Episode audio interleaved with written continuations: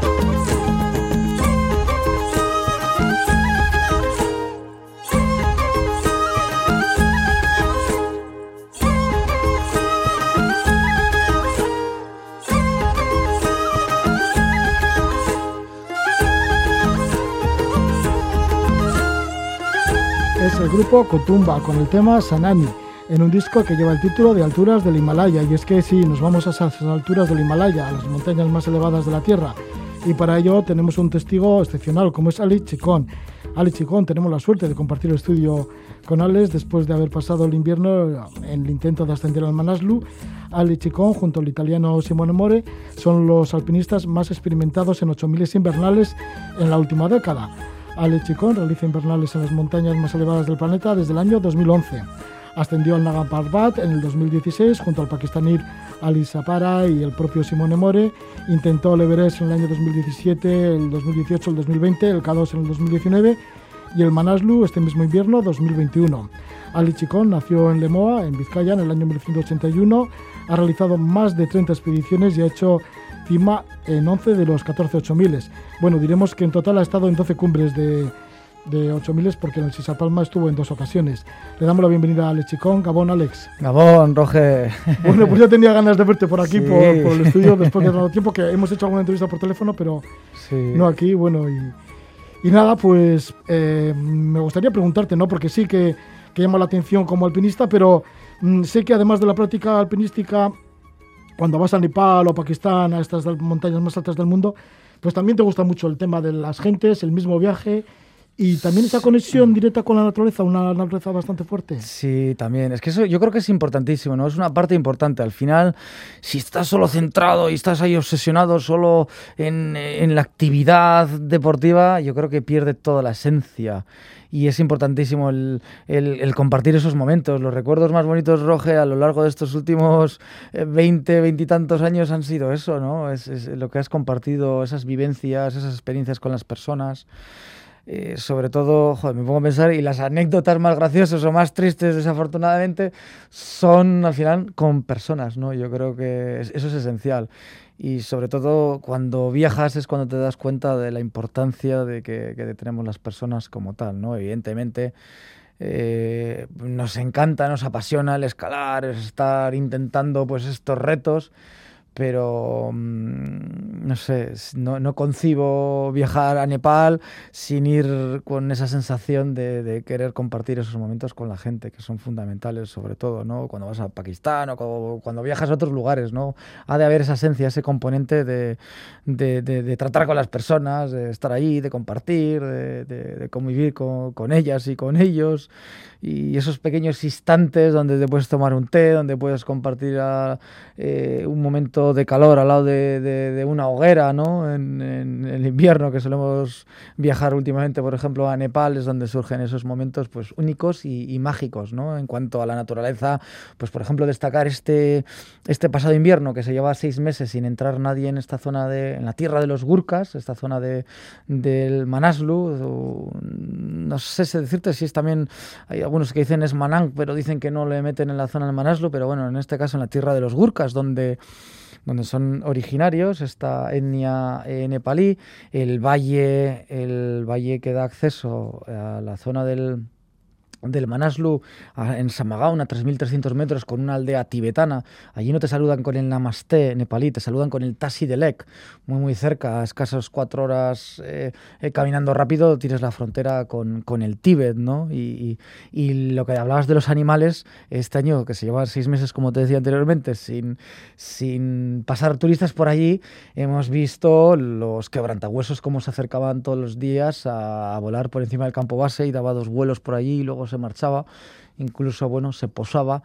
Eh, también hemos visto diferentes eh, cabras salvajes, como son las, los, las cabras Marco Polo, las Blue Ship, no entiendo mucho tampoco yo, pero bueno, han venido mm, bastante.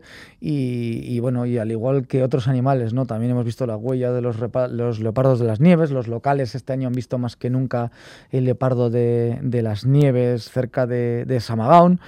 Y, por último hemos tenido con los animales muchísimos problemas, claro, eh, al, no haber tanta gente quizás en el valle, que tampoco es que entre excesivamente gente, la zona de Manaslu no es un Everest evidentemente, pero esos meses con tan poca gente ha derivado, no sé, nunca nos ha pasado así tan tan de continuo, vamos, teníamos unos problemas bestiales. Eh, pero nosotros somos los invasores en este caso, las choas y sobre todo los cuervos, que hay unos cuervos gigantes, vamos, la comida que dejábamos por ahí, vamos, nos la ventilaban, ¿no? Entonces nos pasamos semana y media que comida que subidas, comida que se la comían ellos, ¿no? Desde latas hasta, hasta todo lo que subíamos, ¿no? Pero bueno, pues al final es normal, ese es, ese es su lugar, no el nuestro, y, es curioso, ¿no? Pero sobre todo, pues aprendes de, aprendes de todo. Alex, ¿y cómo te sientes? Porque claro, como vas en invierno ahí se siente todavía más con más fuerza, no sé, el tema de la nieve, de las avalanchas, del viento, porque si en el campo base sí que alguna vez habéis tenido viento que os tiraba todo, ¿no? Sí, bueno, joder, para los oyentes, una tienda que pesa casi 400 kilos con una estructura metálica. Eh, lo que es la luna exterior pesa 85 kilos, para que os hagáis la idea de una única pieza. Os preguntaréis cómo suben eso allá arriba. Pues eso, eso sube en helicóptero y se baja en helicóptero, evidentemente. Entonces, eh, uno de los días que sopló viento, bueno, eso hizo como una especie de. hizo como vela, entró el aire allí y la tienda voló así, se giró. Bueno, fue increíble. Y dices, Joder, no, es que no me lo creo, me, me, lo, me, lo, me lo cuenta, no, tienes que estar allí para darte cuenta de verdad de la fuerza que tiene el, no sé, el, el planeta, ¿no? El viento, la nieve, el sonido, se silencia algunas veces. Eh, se siente y se vive con mucha mayor intensidad. Y el tiempo...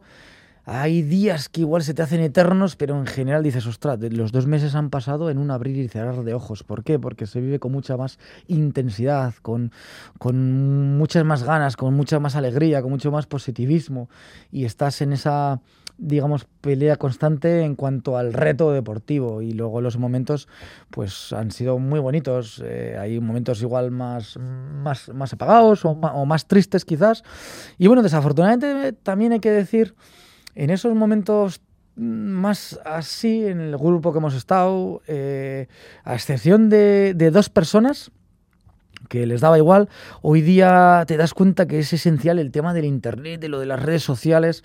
Eh, dices, joder, qué pena muchas veces, ¿no? A excepción de, de Aitor Sanz en este caso, Iñaki Álvarez y, bueno, en mi caso también, pues por necesidad, que te dedicas a lo que te dedicas, y que en el tema de las redes sociales eh, me doy cuenta años atrás o viajes atrás, Roge, dices, ¿cómo ha cambiado todo esto? Que parece que tienes que contarlo en instantáneo, cada, uno tiene sus redes sociales y, que, y los días que no hay conexión parece que el equipo está de, de mala baba tan solo por eso, ¿no? Y creo que es eh, importantísimo tratar de, vivir y sentir las cosas en cada momento, ¿no? Sin tener esa necesidad de, ¿no? Y yo creo que, que, que haya ahora mismo en el tema viaje, aventura y, esa inmediatez de tener que contar las cosas que en muchos aspectos eh, pierden un poquito la esencia del viaje, de la aventura, del disfrutar, como te decía, al lado de una hoguera, conversando, ¿no? Sí, porque muchas veces dices, estoy aquí en el Manaslu, en invierno, aquí no llega nadie, pero sin embargo estoy conectado con todo el mundo.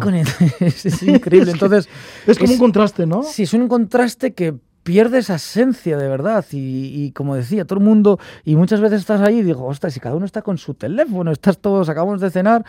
Y, recuerdo al principio, ¿no? Pues igual últimamente somos de jugar un poquito así a las cartas o lo que sea, pero es una pena, es una pena a veces esto de la conexión, de verdad, que, que genera mm, eh, no sé, pues una, una sensación extraña, ¿no? Que últimamente pues estás pensando muchas cosas y cuando vuelves de una expedición es un momento de, transición y, piensas y dices, joder, pero es que, pero qué necesidad de tener qué y de tener qué, ¿no? Y yo creo que es, negativo, ¿no? Es negativo el tema de, de las redes sociales a en, expediciones de, este tipo, ¿no? Evidentemente, joder, pues tienes patrocinadores, tienes que aparecer y demás, pero generan como una ansiedad, ¿no? El tener que estar ahí, el tener que estar conectado y, es, complicado. Luego cada uno tiene su vida, evidentemente, quieres contar con casa y no sé qué, no sé cuántos, pero de ahí a que tener esa necesidad que, surge, pero surge por uno mismo, porque al final, no sé. Es, sí, a veces era como más emocionante, ¿no? Pensar esas expediciones de la década de los, años 1980. Mucho ¿Qué habrá pasado con esta gente? Porque estabas pendiente.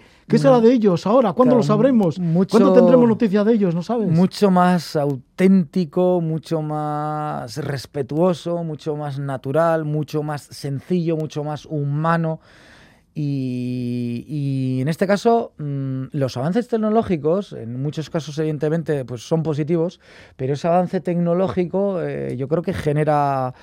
Eh, eh, no sé, pues lo que te decía, ¿no? Esa, esa parte que pierde de la esencia, ¿no? Pues hace unas horas, hablando con el cambio horario, estaba hablando con Chapal y que se encuentra ahora mismo en campo base del, del Everest y, y, y una conversación por videollamada y me enseña, mira, tal, estamos aquí, está a punto de anochecer y dices, es que es, increíble, ¿no? Pero, mm, no sé, pues eso, eso, es el ser humano, ¿no? La condición del ser humano. la tecnología avanza y en algunos casos, pues dices, ostras, igual mm, es mejor ser un enamorado, como tú decías, ¿no? Las expediciones de antaño. Ya has nombrado a Chepal, ¿no? Sí. Que Chepal es uno de los que ha participado. Sí. Uno de los serpas que ha participado en la expedición. A la cual le queremos muchísimo. Es una persona con la cual hemos compartido muchos momentos. Es una persona con, con mucha empatía, con mucho respeto. Eh, una persona que me ha demostrado los valores que tiene. Hemos estado ahora muchos días en Camandú en su casa.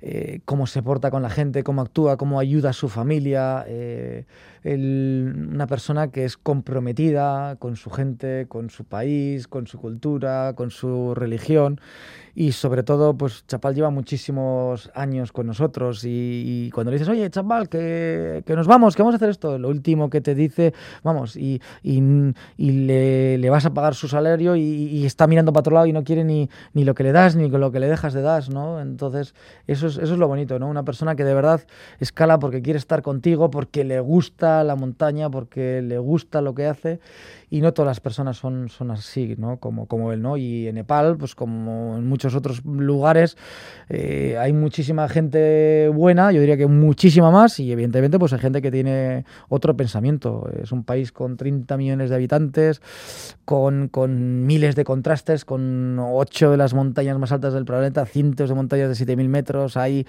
valles perdidos, rincones, selvas, bosques, una fauna tremenda, el 2% de las aves del planeta ríos y lugares maravillosos los cuales uno se perdería y recorrería y caminaría muchísimo tiempo y, disfrutas ¿no? de, de, esa gente y sobre todo aprendes de todos ellos, ¿no? de con qué poco eh, es posible para ser feliz, ¿no? Hoy día aquí en casa me doy cuenta vienes y cómo están las cosas y lo que sucede, yo creo que vamos en la dirección equivocada para buscar la felicidad. Cuando tienes un poquito de empatía y has viajado un poco y tu mente pues está más abierta, ¿no? Yo creo que la mejor de las universidades en general, a nivel global, te la da el viajar. Desafortunadamente, no todos tienen las mismas oportunidades que podemos tener nosotros, por tanto, eh, juegas con esa ventaja y no me gusta nunca, en ningún caso, jugar con ventaja. Me gustan las mismas normas de juego para todo el mundo, ¿no? Y desafortunadamente, no hemos sido capaces de construir un mundo justo. Desde que el ser humano existe, Roge, creo que no me equivoco, seguimos destruyendo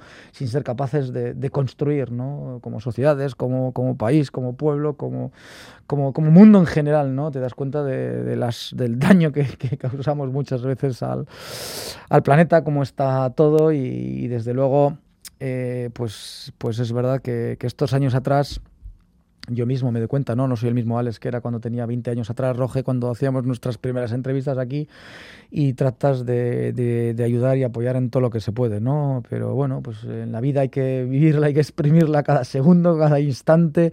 Sí, en eso sí, eres lo mismo que antes, ¿eh? sí. Que antes vivías también siempre eh, como muy inquieto, ¿no? Bueno, y sigues siéndolo. Sí, sí, esa y, inquietud. Y exprimiendo la vida, ¿no? Y gustándote de la vida. Sí, esas ganas de, de, hacer cosas, de sentirte, de ayudar. A veces puedes estar más acertado y otras veces puedes estar menos acertado. Y sobre todo haciendo las cosas sintiéndolas por uno mismo, porque si haces las cosas para los demás, teniendo siempre los pies en la tierra, yo creo que eso es fundamental. Eh, de lo contrario, eh, hace irte al Himalaya en invierno, hacer cosas que nos gustan hacerlas, pero las haces porque te sientes vivo, porque de verdad eso es lo que te llena de ilusión y de motivación. Hay muchísima gente que es muy, muy buena en lo suyo, pero te das cuenta, joder, pero si no eres feliz, ¿no? Yo creo que hay que buscar la felicidad en lo que a uno le gusta. Mm, buscar la felicidad. Y bueno, y tú acabas de decir hace un rato que has disfrutado, que lo has cogido con muchas ganas y mucha alegría, eso de estar en una invernal. Sí. Una invernal en Manaslu, pero es que hace mucho frío, ¿no? Entre otras cosas, estaréis congelados y y, bueno, yo qué sé, cada respiración igual se, se convierte en escarcha también, ¿no? Y es todo incómodo. Sí, ¿Cómo puedes estar en esa situación siendo siempre positivo? Y bueno, intentando también alcanzar la, cumbre, pero Que, que, que, estás igual a 7.000 metros, pero que al final no, no la consigues. Eh, ¿Cómo se busca la positividad en todo ello? pues al final muchas cosas surgen muchos imprevistos. Este año ha sido un año atípico que llegar allí ha sido ya todo un milagro con un grupo que hemos ido y que ninguno de positivo y que llegamos hasta allí. Yo creo que creo en esa suerte trabajada. Las cosas no vienen eh, al azar o por el por, porque sí. Si no trabajas, si no dedicas tiempo, pues eh, las cosas no salen evidentemente. Y para nosotros ya, no sé, no, no quiero darme aires de grandeza ni mucho menos, pero cuando llevas ya 10 años en invierno roje, el invierno es lo normal, es lo, eh, es lo normal. Dices, pues esas condiciones las soportas de manera normal. Para mí ya es normal. Pero estáis a 10 grados bajo cero dentro de la tienda, ¿no? O 20. Esta misma mañana he estado con, con, Iñaki Álvarez de Zumarra, que también estuvo con nosotros, entre otros, al igual que Lur, que también le entrevistaste, eh, Roge, como hablábamos antes. que forma parte de la expedición al y, y, y, el equipo también es, es más numeroso, evidentemente eh, Iñaki me decía, ostras, eh, el, repetir, ostras, pero por las mañanas se me hacía muy duro, el frío, cómo me costaba arrancar, sobre todo las mañanas, el frío que sentía en las manos. Y, Iñaki, la segunda parte de la expedición, ha trabajado de manera fascinante, ha trabajado muy bien, ha abierto mucha huella, ha estado donde se le ha necesitado.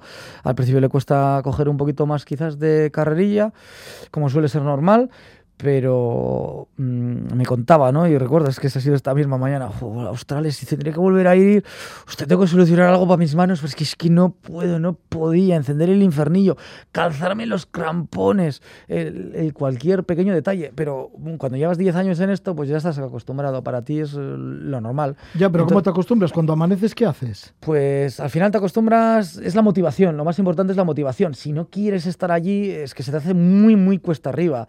Si tu motivación no es la acertada, porque claro, porque piensas, joder, voy a subir cumbre, puedo intentar, y de repente las expectativas cambian, uno se siente eh, completamente encerrado, se siente completamente, dices, ostras, es que qué duro, se te hace muy, muy cuesta arriba, o cuando un día que puedes pasarlo mal, que estás con la motivación baja, no todos los días son iguales, o cuando te sientes enfermo o cuando tu cuerpo te ha dicho basta y ostras y no tienes energía, ¿no? Porque hay días que también no te puedes sentir bien o te has pegado una buena soba por arriba, se hace muy muy cuesta arriba. Entonces, por encima de todo está ese componente psicológico. Yo no creo que tengo eh, bueno, tengo una capacidad importante de estar allí, de sufrimiento, de mm, una capacidad técnica, táctica, después de muchos años, mucho conocimiento, pero si tendría que diferenciarme respecto a otros escaladores, himalayistas, alpinistas, yo creo que mi, mi gran don es ese componente psicológico, el tener esa mente fría, esa cabeza fría para tomar decisiones, a la hora de tomar decisiones de no equivocarte, saber reconocer las equivocaciones, saber decir, ostra, pues sí, pues me he equivocado, en esta expedición me he equivocado, en muchas cosas en campo base. A la hora de salir de campo base, mm, muy poquito nos hemos equivocado y hemos hecho un trabajo, pues yo creo que, digno de destacar. Evidentemente no luce porque siempre, joder, tenemos el San Benito de quedarnos ahí en los 7000, en esa última etapa, pero si sería fácil, pues estaría todo mucho más hecho y mucha más gente iría, por ejemplo, en invierno. Pero, sí, pero ya eh, tiene que ser una locura solo poner el campo 1, el campo 2 y, es muy... y encontrarte con una grieta como os encontrasteis que decías, ¿para qué no podemos pasar? ¿Qué, qué sucede? ¿no? no que tienes que cambiar de, de, claro, Ya, Luego las avalanchas amenazando. No tienes 300 personas allí que van a tirar y se va a montar todo aquello. Hoy día... Mm, que, que, que, parece que es una crítica, pero eso no es una crítica. Como hablamos de la tecnología, hoy día el, Himalaya, las montañas que son más transitadas, eh, para poner palabras y ser un poquito más acertado en la explicación que voy a dar a continuación, creo que las montañas en las que están ahora transitadas, pues eh, eh, el día 6 de marzo de este mismo año me encontraba en Kamandú y venga, vente conmigo. Iba con, con Migma, que es el propietario de la agencia Seven Summit, y bueno, que tengo una reunión aquí, que te voy a presentar a unos viejos amigos tuyos y, se concentraron allí pues, pues eh, seis de las personas que tienen las agencias igual, que mueven igual más turistas de, de montañas de 8.000 metros, por decirlo de alguna manera, y, pactaron el 6 de marzo quién iba a equipar las rutas, quién llevaba la cuerda, qué pagaban nosotros, y estuve una hora y cuarto con ellos. Y, es donde te das cuenta y dices, joder, cuando hablamos de las expediciones de antaño, que te lo tenían que currar, que tenían que trabajar, que tenían que no sé qué, ha cambiado todo por por hoy puedes aparecer allí con tus 20 kilos, con un Yumar y con tu descensor y, y, no te falta ni llevar tiendas de campaña porque ya tienes hasta las tiendas y luego está el, el tema del oxígeno y demás y demás. Entonces, desafortunadamente ese componente de aventura pues ha desaparecido. Ese componente de antaño, de expediciones, pues no, ahora mismo eh, esto es un negocio y se montan expediciones. Nosotros somos parte de todo esto también, pero dentro de lo que cabe, pues nosotros tratamos de, minimizar muchos factores y vas buscando la aventura. Y no hay nada de malo, cada uno hace lo que quiere, pero sí es verdad que alpinísticamente yo creo que carece de valor alguno. Sí tiene un valor personal, evidentemente, cada uno valora, ostras, voy allí, tiene ese valor personal, pero yo creo que mm, en el mundo alpinístico, en cuanto al Himalaya, eh, creo que hace falta un cambio, pero evidentemente está todo tan estandarizado y, mueven lo que se mueve. El mundo del outdoor es una industria.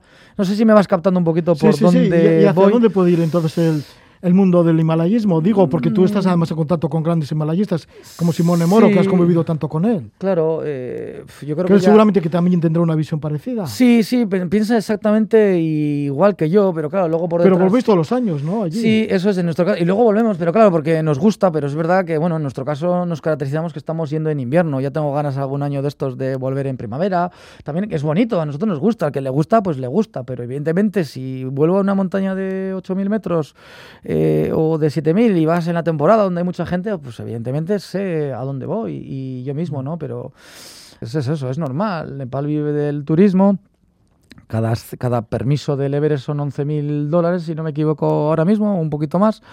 Y, creen en ello. Eh, el vuelo ahora mismo desde Kamandú a Lucla, ida y vuelta, me acuerdo que pagamos antaño 120 dólares ida y vuelta en el año 2004, ahora están 350 dólares, si no me equivoco, que me han pasado esta información días atrás. Ostras, todo sube muchísimo, la vida cada vez está más cara y, y donde antes vivían de portear también, pues ahora ya portean los helicópteros. Hay empresas que prácticamente casi todo, el 80% o digamos a una montaña como puede ser el Macalu, lo transportan el 100% todo, todo en, en helicópteros y ya ni, ni, se portea. No ha cambiado todo muchísimo y lo, donde antes los que porteaban, ahora pues han montado sus pequeños hotelitos y evidentemente pues todo va cambiando y luego desafortunadamente el Manaslu me ha llevado un chasco personal. En el año 2008 estuvimos en, en ese mismo valle y, hemos estado luego montando una instalación fotovoltaica también en, el hospital que tiene SOS Himalaya, la fundación de SOS Himalaya del difunto Iñaki Echo de Oza, en, en Situa, en el, en el Arun, en el valle del Macalu. Eh, me lleva un disgusto en que en el Manaslu salimos en el año 2008 caminando de Arugat y hoy es el día que la, eh, una pista de todoterreno pues llega hasta Tatopani y veíamos cómo estaban preparando la carretera. Claro, tú te llevas chasco porque tú el turismo, para los locales evidentemente es beneficioso. Y claro, el que tiene dinero allí, que hay gente que también tiene dinero en esas calles aldeas, se pone enfermo, va a dar a luz y llaman un helicóptero y se van a Kamandú. Pero el que no tiene esos mismos recursos, pues acaba muriéndose allí en un dispensario de mala muerte, porque apenas llegan las ayudas ni, llevan, ni llega la ayuda del gobierno, como decía. Gracias a muchas de las fundaciones de, de aquí, de casa, de, Estados Unidos y de muchos otros lugares del planeta, pues hay educación, hay un pequeño dispensario bien nutrido de, de los medicamentos y lo mínimo, como decía, el hospital que es de y es increíble que tiene la Fundación de SOS Himalaya, que enhorabuena por ellos, lo que han hecho allí con cuatro médicos y es el, epicentro de todo ese valle del Macalú. Gracias a ellos, pues, pues eh, eh, hay un paritorio que está perfectamente preparado y se agradece todo eso, pero las carreteras yo creo que ese impacto en cuanto al turismo, eh, ves, Roge, cómo estaban tallando la carretera allí, dices, en esos valles tan angostos, en algunos momentos tan estrechos, con, con el río precioso. Eh, al no haber gente, yo nunca me había pasado de ver ciervos y monos al lado en, en, este trekking del Manaslu, tan bonito, y dices, jo, y veías allí a los pobres allí, durante el trekking en varios momentos tuvimos que parar porque iban a volar, lo que hacen es con martillos hidráulicos, con una especie de taladro, con unos barrenos, iban perforando, iban poniendo barreros, barrenos diferentes, más cortos, luego más largos, más largos, metían barrenos y metían por, por mil rupias al día, entre 900 a mil rupias al día, con chancletas, pero chancletas no una chancleta dura, no, unas chancletas eh, tapados así la boca por mil rupias, que al cambio viene a ser como 6 euros diarios allí, los pobres nepalíes eh, trabajando, ¿no? Porque al final hay que montar esas carreteras de Nepal al Tíbet, ¿no? Para conectar Nepal con China. Hay más carreteras que desconocía, hay otra más que desconocía y, ahora mismo hay una, está en construcción una presa, una gran presa en el río Tamur, bajo, bajo el pueblo, bajo la aldea de Sidua y Nun. Y, hay una carretera, digo, oye, esa carretera esa, no la recuerdo cuando estuvimos allí en el año 2004, pues sí, esa carretera va hasta el Tíbet, hay veces que está abierta, está cerrada, y es increíble, pues bueno, pues como en sitios que, que, que, que, es imposible, metes ahí una carretera, claro, pues luego según vayan habiendo los avances, pues todo eso irá mejorando, ¿no?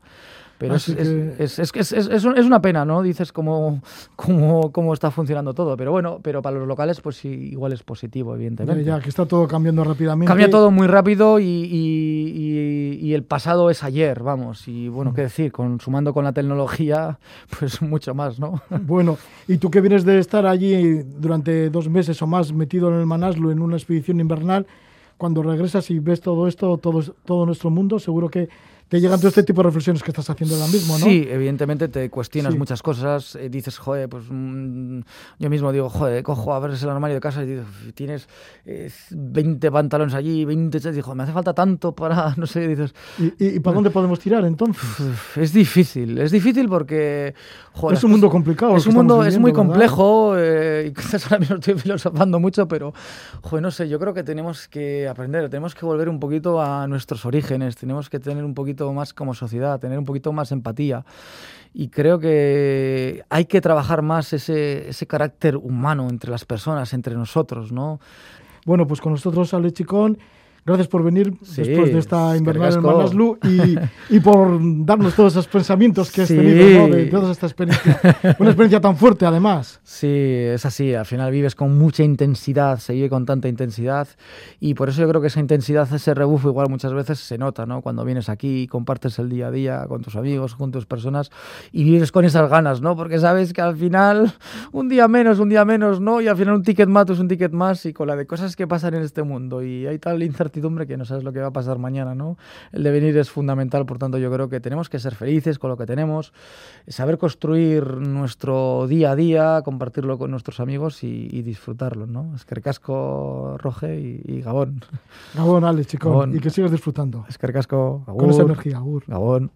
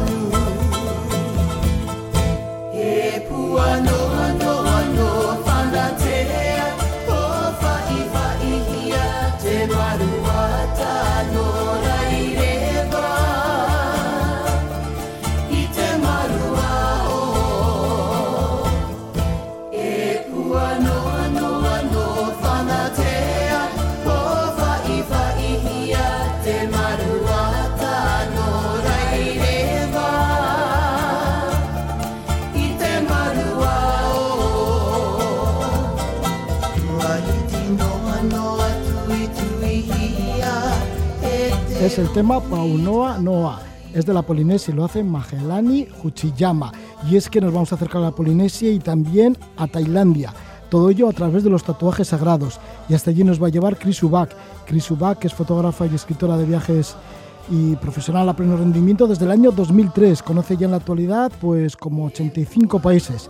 Es coautora de un libro de fotografías que lleva el título de Fotografía de aventuras y en condiciones extremas coautora junto con el fotógrafo Roberto Iván Cano y en cierta ocasión en este mismo programa nos habló de la ruta del blues, un camino que va desde Nueva Orleans en la ciudad de Louis Armstrong hasta Memphis, la ciudad de Elvis Presley, por la orilla del Mississippi. Pero bueno, esto fue otro programa y en esta ocasión otro tema curioso de los que ha tratado Chris Ubak, los tatuajes, esos tatuajes sagrados en Tailandia y Polinesia. Chris Ubak, bienvenida, muy buenas noches. Hola, buenas noches, ¿qué tal?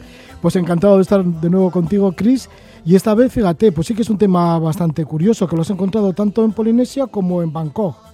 Sí, sí, sí. No, es que el tema del tatuaje como está, está extendido en todo el mundo realmente y, ahora es, bueno, está muy de moda, tú lo sabes, pero esto es algo que viene de muy antiguo en, prácticamente en todos los continentes. Se, han dado casos a lo largo de la historia, ¿no? Vamos con el de Tailandia. ¿Cómo encontraste a un maestro de estos que se dedican al tatuaje y sobre todo al tatuaje sagrado o el tatuaje también tradicional? Pues mira, esto fue, em, fui a hacer un reportaje sobre específicamente sobre el tatuaje eh, sagrado, porque em, bueno, en Tailandia mucha gente no lo sabe, pero hay un, hay un tipo de tatuajes que, que, más allá de ser una representación, solamente una representación artística sobre el cuerpo, tienen muchísimo más significado para ellos, por eso se le llaman sagrados, ¿no? Y entonces, bueno, forman parte del día a día en la vida de los tailandeses y, y, son una especie de, de plegarias que, que se, pues se escriben en su cuerpo para, para ayudarles a superar los retos de, de la vida, ¿no? ¿Es como un ritual hacer estos tatuajes? Sí, sí, sí. mira, em, el origen, el origen viene de, de la época del Imperio Gemer, cuando, bueno, estamos hablando aproximadamente en el siglo IX, siglo X, Eh, para que te hagas una idea, en la época en la que aquí teníamos a los vikingos, pues allí en la zona del sudeste asiático, lo que hoy es Camboya y Tailandia, habían dos imperios, que era el imperio Gemer, que es los que construyeron Angkor, digamos, eh, la, actual Camboya, y luego estaba el imperio de Siam, que es el actual Tailandia, que tenía dos capitales, tuvo dos capitales, Sukhothai y Ayutthaya, que son dos, bueno, son dos ciudades que hoy, hoy se pueden visitar eh, antiguas, ¿no? Con los templos y demás. Bueno, pues estas, estas dos, dos, dos, imperios siempre andaban a la greña y entonces eh, los guerreros gemeres se tatuaban el cuerpo eh, pues con esta especie de tatuajes que, les, que ellos creían que les protegían incluso ante ante las ante las eh, pues ante las armas físicas físicamente les protegían no y entonces esa tradición de tatuarse los guerreros pasó al reino de Siam pasó a Tailandia y se ha mantenido hasta el día de hoy. Y entonces es una especie de es una especie de sí de, de ritual el que se el que se hace cuando se tatúa a una persona con un tatuaje sagrado que se llama sakyant eh, entonces, bueno, pues el, el tatuador mm, hace una, el tatuador que por cierto suelen ser monjes eh, que, que, están en templos, a veces no son monjes que están en templos, son monjes que tienen su propio taller fuera de un templo y pues ellos hacen toda una toda una especie de, de, ritual en el que no solo dibujan el tatuaje sino también pues hay una serie de se cantan unas plegarias se, se hacen todo todo una, bueno todo un todo un ritual muy curioso sí sí Tú no estuviste con un monje budista que tatúa, sino que te fuiste a un barrio de Bangkok, un barrio popular, para estar con ese tatuador que va por libre, ¿no? Uno de ellos que va por libre. Sí, estos son los que te digo que tienen como sus talleres eh, al margen de los monasterios. Y sí, sí, pasé un día con él viendo cómo trabajaba y la verdad que es muy curioso porque en el taller por ejemplo es casi como pues lo que te digo es casi como un santuario. Él en su tiene un, trabaja en una habitación que está llena de, imágenes pues de Buda y de otras otras santidades y él pues eh, va, vestido de monje y entonces está sentado en el suelo encima de una alfombra y allí tiene todo su, su instrumental y entonces los, los feligreses, los, los, los que van a tatuarse, pues hacen fila para, para tatuarse y él pues utiliza una especie de espadín largo que se unta en tinta y con ese espadín pues les, les hace les hace el tatuaje. El tatuaje suele ser, eh, por lo que yo vi, suelen ser letras, eh, una especie de lenguaje que se utilizaba, un lenguaje que se utilizaba en, el, en la época Gemer, que se llamaba Com, que es una caligrafía antigua que ya hoy en día ya no se utiliza y luego pues entre medias se, se tatúan pues animales cada animal o cada, cada figura tiene, tiene un, un significado diferente y todo esto sirve también como protección estos estos dibujos Sí, sí, sí. De hecho, bueno, antiguamente, ahora, ahora la cosa ha cambiado un poco. Cuando te hablo de los guerreros de, de aquellas guerras entre Siam y el Imperio Gemer, eh, ellos, ellos creían que esos tatuajes les protegían físicamente contra las armas, ¿no? Hoy en día se, ya se entiende que esto no es así, pero, pero por ejemplo, eh, la gente joven que se quiere buscar un trabajo, por ejemplo, pues uno de los uno de los dibujos que se que se suele hacer más más a menudo es, por ejemplo, un cisne, ¿no? Un cisne es es, el, es la, la figura que pues que te va como a proporcionar buen buen trabajo o buen futuro, buen porvenir, ¿no? Eh, los tigres, los tigres son súper famosos y es, uno de los elementos más tatuados y son están muy populares entre los policías, por ejemplo, o, entre, o, la gente que trabaja en pues en el ejército, ¿no? Porque son el tigre protege contra contra los enemigos, ¿no? Y hay muchísimas cosas, los cocodrilos, por ejemplo, los, los pescadores se tatúan cocodrilos porque pues eh, les, les, les proporciona buenas capturas, por ejemplo. Hay, hay, hay sí. bueno, hay un sinfín de, de, de, imágenes y cada una tiene su simbología, ¿no? ¿Cuál es el vínculo entre el maestro tatuador y la persona que se tatúa? Pues mira, el, el vínculo que se crea entre ellos es muy fuerte, porque el, aparte del el tatuador, aparte de hacer el dibujo sobre la persona, aparte de, de hacerle la, el tatuaje, eh, le, le, establece una serie de reglas que el discípulo deberá respetar el resto de su vida. Suelen ser reglas muy vinculadas al budismo, o sea, una de ellas es que son respetar los cinco, cinco preceptos del código ético del budismo, y, y, y, bueno los, los que vienen los que vienen a tatuarse y quieren estar protegidos por ese tatuaje pues tienen que observar esta, estas reglas pues porque si no eh, el, el, tatuaje pierde los poderes. O sea ellos entienden que tienen unos poderes y si esas reglas no se observan o sea, el tatuaje deja de tener función para entendernos Chris, además de tener esta experiencia con este tatuador en el que estuviste en su taller, que dices que es como un santuario, pues conoces también Bangkok bastante bien, o por lo menos una de las ciudades que te gusta mucho, ¿no? Sí, a mí Bangkok me encanta y bueno, la verdad es que es una ciudad que igual a la, primera vez que fui me, no me impactó tanto, pero al final con los años he ido volviendo y al final en Bangkok de Bob he estado como 12 veces o así. Entonces, cada vez que voy descubro algo distinto y sobre todo lo más bonito es que he conocido gente allí que luego te enseña, ¿no? Esto es un poco como en cualquier sitio, cuando vas con un local y te enseña los, eh, los secretillos de la ciudad, pues le acabas le acabas cogiendo cariño, ¿no? Y luego también es que a mí me gusta mucho la, bueno, la gastronomía, la comida en general y yo considero que bueno, Tailandia es uno de los países del mundo en que mejor se come y Bangkok es una capital donde se encuentran bueno, especialidades increíbles de, de comida, ¿no? Y, y, sí, sí, para comer, por ejemplo, a los que les guste comer, eh, Tailandia es un, es un sitio, bueno, imprescindible, podríamos decir. ¿Cuál es el plato estrella tailandés para ti?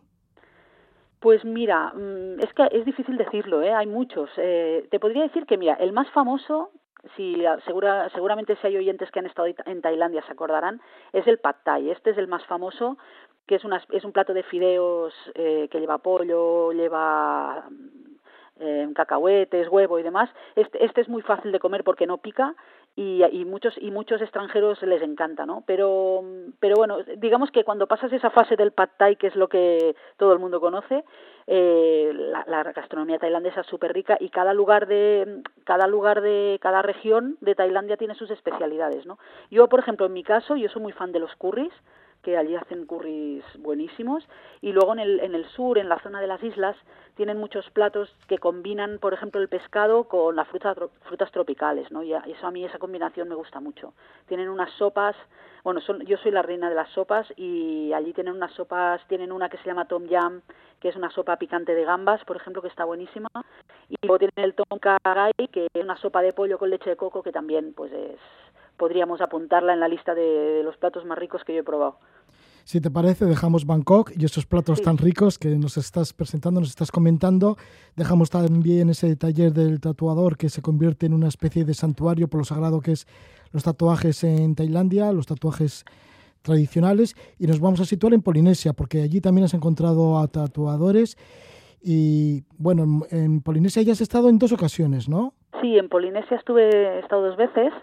Y en la última vez que estuve, que estuve en, la isla de Morea, pues allí conocí a un, tatuador tradicional, bueno, le conocí, fui a buscarle porque también, ah, bueno, estaba yo sobre la pista de, del tatuaje tradicional en, allí en Polinesia, entonces pregunté quién era alguna referencia del tatuaje tradicional, porque claro, pasa como en Occidente que hay muchos tatuadores que tatúan de manera de manera bueno con las máquinas estas con estos instrumentitos que se utilizan ahora maquinita eléctrica pero luego yo lo que buscaba era un, tatuador que lo hiciera de la manera antigua no y entonces encontré a este señor que es eh, James Samuela y, y, él lucha por, por conservar la tradición de su pueblo pues tal como fue concebida en su momento no y sí sí ahí estuve con él y también estuve viendo cómo trabajaba en su taller y bueno la el tatuaje en Polinesia eh, bueno, no tiene nada que ver con Tailandia, como decíamos, en cada país hay culturas súper antiguas que empezaron con los tatuajes y los de Polinesia, por ejemplo, más que sagrados o de protección, que también en algún momento fueron así, eh, son tatuajes que lo que vienen a explicar es como la historia de la familia de, de las personas que llevan el tatuaje, ¿no? O sea, antiguamente a mí me contó este señor que en, su familia, él venía de, de, las Islas Marquesas, en su familia pues se tatuaban de padres a hijos eh, pues dibujos que, que significaban algo de la cronología de esa familia, ¿no? Son, son, un poco como la historia en piel de, de, de una familia. ¿no? De hecho, entre ellos entre, entre personas de diferentes familias a veces se pueden reconocer por los dibujos que llevan en el cuerpo, ¿no? Así que forma parte del legado familiar. Eso es, sí. Y el tatuaje entonces viene de los ancestros, ¿no? De generación en generación. Sí, sí, sí, eso, eso viene de muy antiguo y, y de hecho el, el, tatuaje que nos llega a Europa como, como, como digamos elemento de moda, por, decir, por decirlo así, eh, porque el tatuaje en Europa a nosotros ya nos viene de mucho antes, porque de hecho hay em, se encontraron restos de personas del neolítico, del neolítico que ya iban tatuadas, los egipcios se tatuaban, los vikingos que hablábamos antes también se, se tatuaban, pero fue el capitán Cook, que el capitán Cook recordarás que era este explorador que descubrió las islas de la Polinesia, el capitán Cook le puso el nombre al tatuaje, porque los polinesios le llaman tatau a, golpear, ¿no? Al hecho de golpear le llaman tatau y entonces el capitán Cook cuando ve eso le llama tatau, tatuaje al, al hecho de dibujarse la piel, ¿no? Entonces el capitán Cook cuando vuelve a Europa a finales del siglo XVIII, pues eh, eso tuvo muchísima repercusión aquí y, y, yo no sé si has leído Moby Dick, eh, Roge, pero en Moby Dick hay un sí. en Moby Dick se escribió a finales del siglo XIX, 1851, y en Moby Dick sale un personaje que es, un, es una persona que viene de Polinesia y el, y el protagonista pues describe esos tatuajes como algo rarísimo y algo súper extraño que, que no, no, es habitual y que no está muy visto. ¿no? Así que los primeros que se tatuaron, diremos en la edad moderna más o menos, pues fueron los marinos. Así es, así es. Ellos A fueron raíz los de, primeros. que, de James Cook y lo que vio allí en la Polinesia. Sí, de hecho algunos marineros del algunos marineros de su de su tripulación ya vinieron con algún tatuaje. ¿Qué herramientas emplea este tatuador en Morea que has conocido, James Samuela? Pues mira, el, si el de Tailandia utilizaba un espadín de, metal, este señor James lo que utiliza es un hueso de pescado, que es, es algo que me sorprendió muchísimo, porque él lo que hace es coge un hueso de pescado, lo talla, le, o sea, lo talla como si fuera un elemento de orfebrería casi, y, luego con eso él unta la tinta y entonces va, va golpeando el, el huesecito este pues contra, contra la piel con un palo de, de, madera, ¿no? Y eso tiene que doler muchísimo porque fíjate que cuando yo estuve allí con él había un señor que fue a tatuarse y este señor era, imagínate tú, un polinesio de estos, pues como los que juegan en el All Blacks de Nueva Zelanda, ¿sabes? Estos gigantescos, un señor que medía dos metros. Sí, como los y... maoríes de Nueva Zelanda, ¿no? Eso los es, jugadores de rugby. Eso es, como esos gigantescos. Pues es, le estaba tatuando a este señor en la pierna y el hombre lloraba como un bebé. O sea que me imaginé que eso debía doler, debía doler bastante. Sí, sí, pues fíjate, con hueso de pez sí. o también diente de tiburón suelen utilizar. Con dientes de tiburón también me dijo que lo hacía, sí, sí. Sí, sí. Y esto los tallan estos huesos de pez para que se forme una aguja. Sí, claro, lo tallan en forma de punta, sí, de aguja. Y luego él, para, para asegurar la, digamos, la, la higiene de todo, luego es, esa, esa punta de pez se la regala al, al tatuado para, para, que, para asegurarse de que nadie más la va a utilizar, ¿no? Cris, ¿y no te llamó la atención para hacerte a ti un tatuaje? Bueno, claro, si es tan, tan fuerte, tan hace pues tanto mira, daño. Yo te voy a confesar que yo, yo me traje un dibujo de Polinesia y luego me lo tatué aquí. Pero yo no me atreví con, con este señor por... Es que yo cuando había aquel hombre gigante llorando, no me, no me vi yo con las fuerzas de hacérmelo yo. Sí. ¿Y cómo han sido tus estancias, esas dos estancias que has tenido por la Polinesia? Pues maravillosas. La verdad que Polinesia es un, es un lugar único en el mundo. Nos queda un poco demasiado lejos porque al final el viaje son casi 24 horas, pero, pero bueno, claro, son unas islas que son tan distintas a todo lo que conocemos que, que están, están muy bien. Y la, la, en el segundo viaje tuve un poco de mala suerte porque me pilló allí un ciclón y la verdad es que estuve tres días aislada en el hotel eh, con un viento y unas lluvias que yo no sabía si la isla se hundiría o quedaría en pie, la verdad.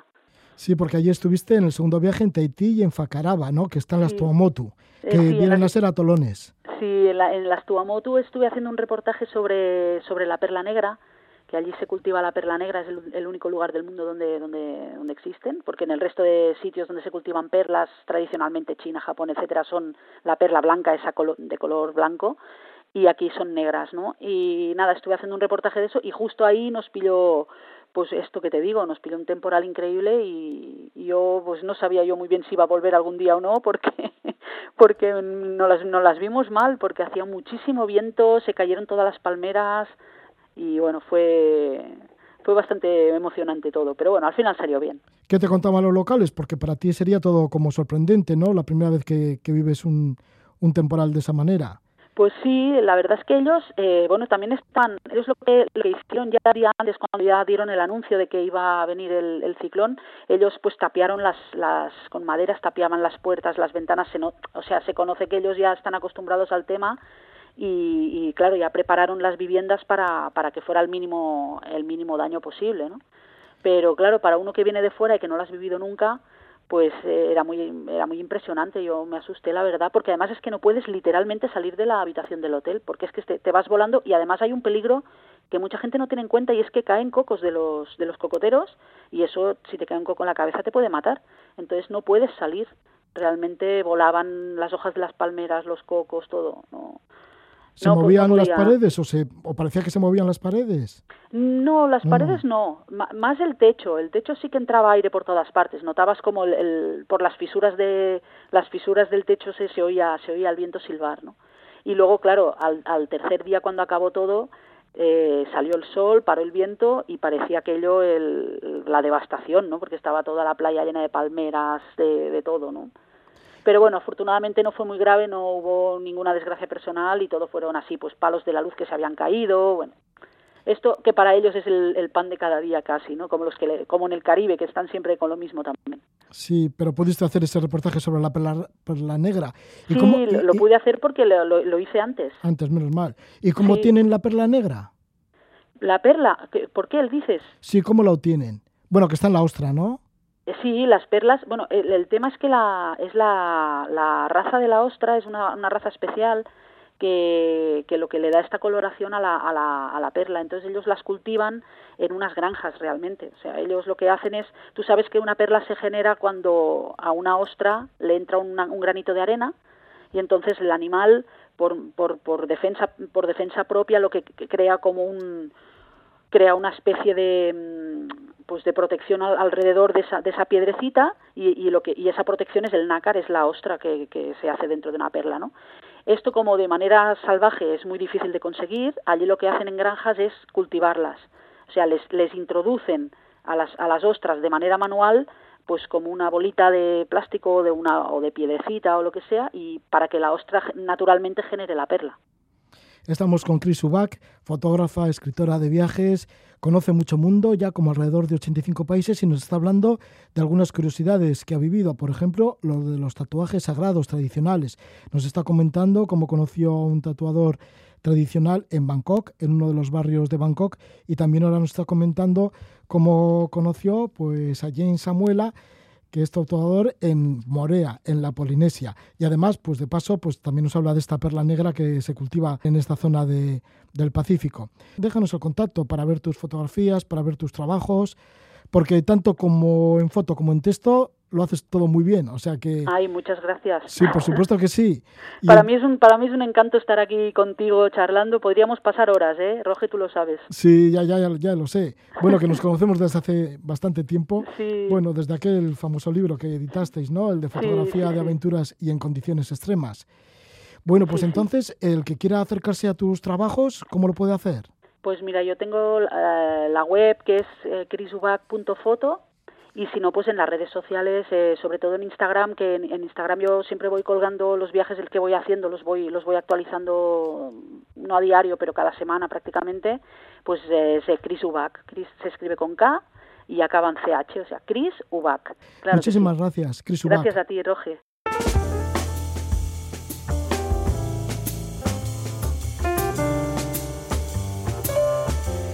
Hemos escuchado a la fotógrafa Chris Ubach en una entrevista que realizamos el 1 de enero de 2021 y la hemos querido recordar. Ahora escuchamos la música de Charlie Peacock al piano, John Patitucci al contrabajo, Eric Harlan a la batería, Marcus Pitt-Tap a la trompeta y Chris Potter al saxo. Es el tema Blue for You. Que disfrutéis.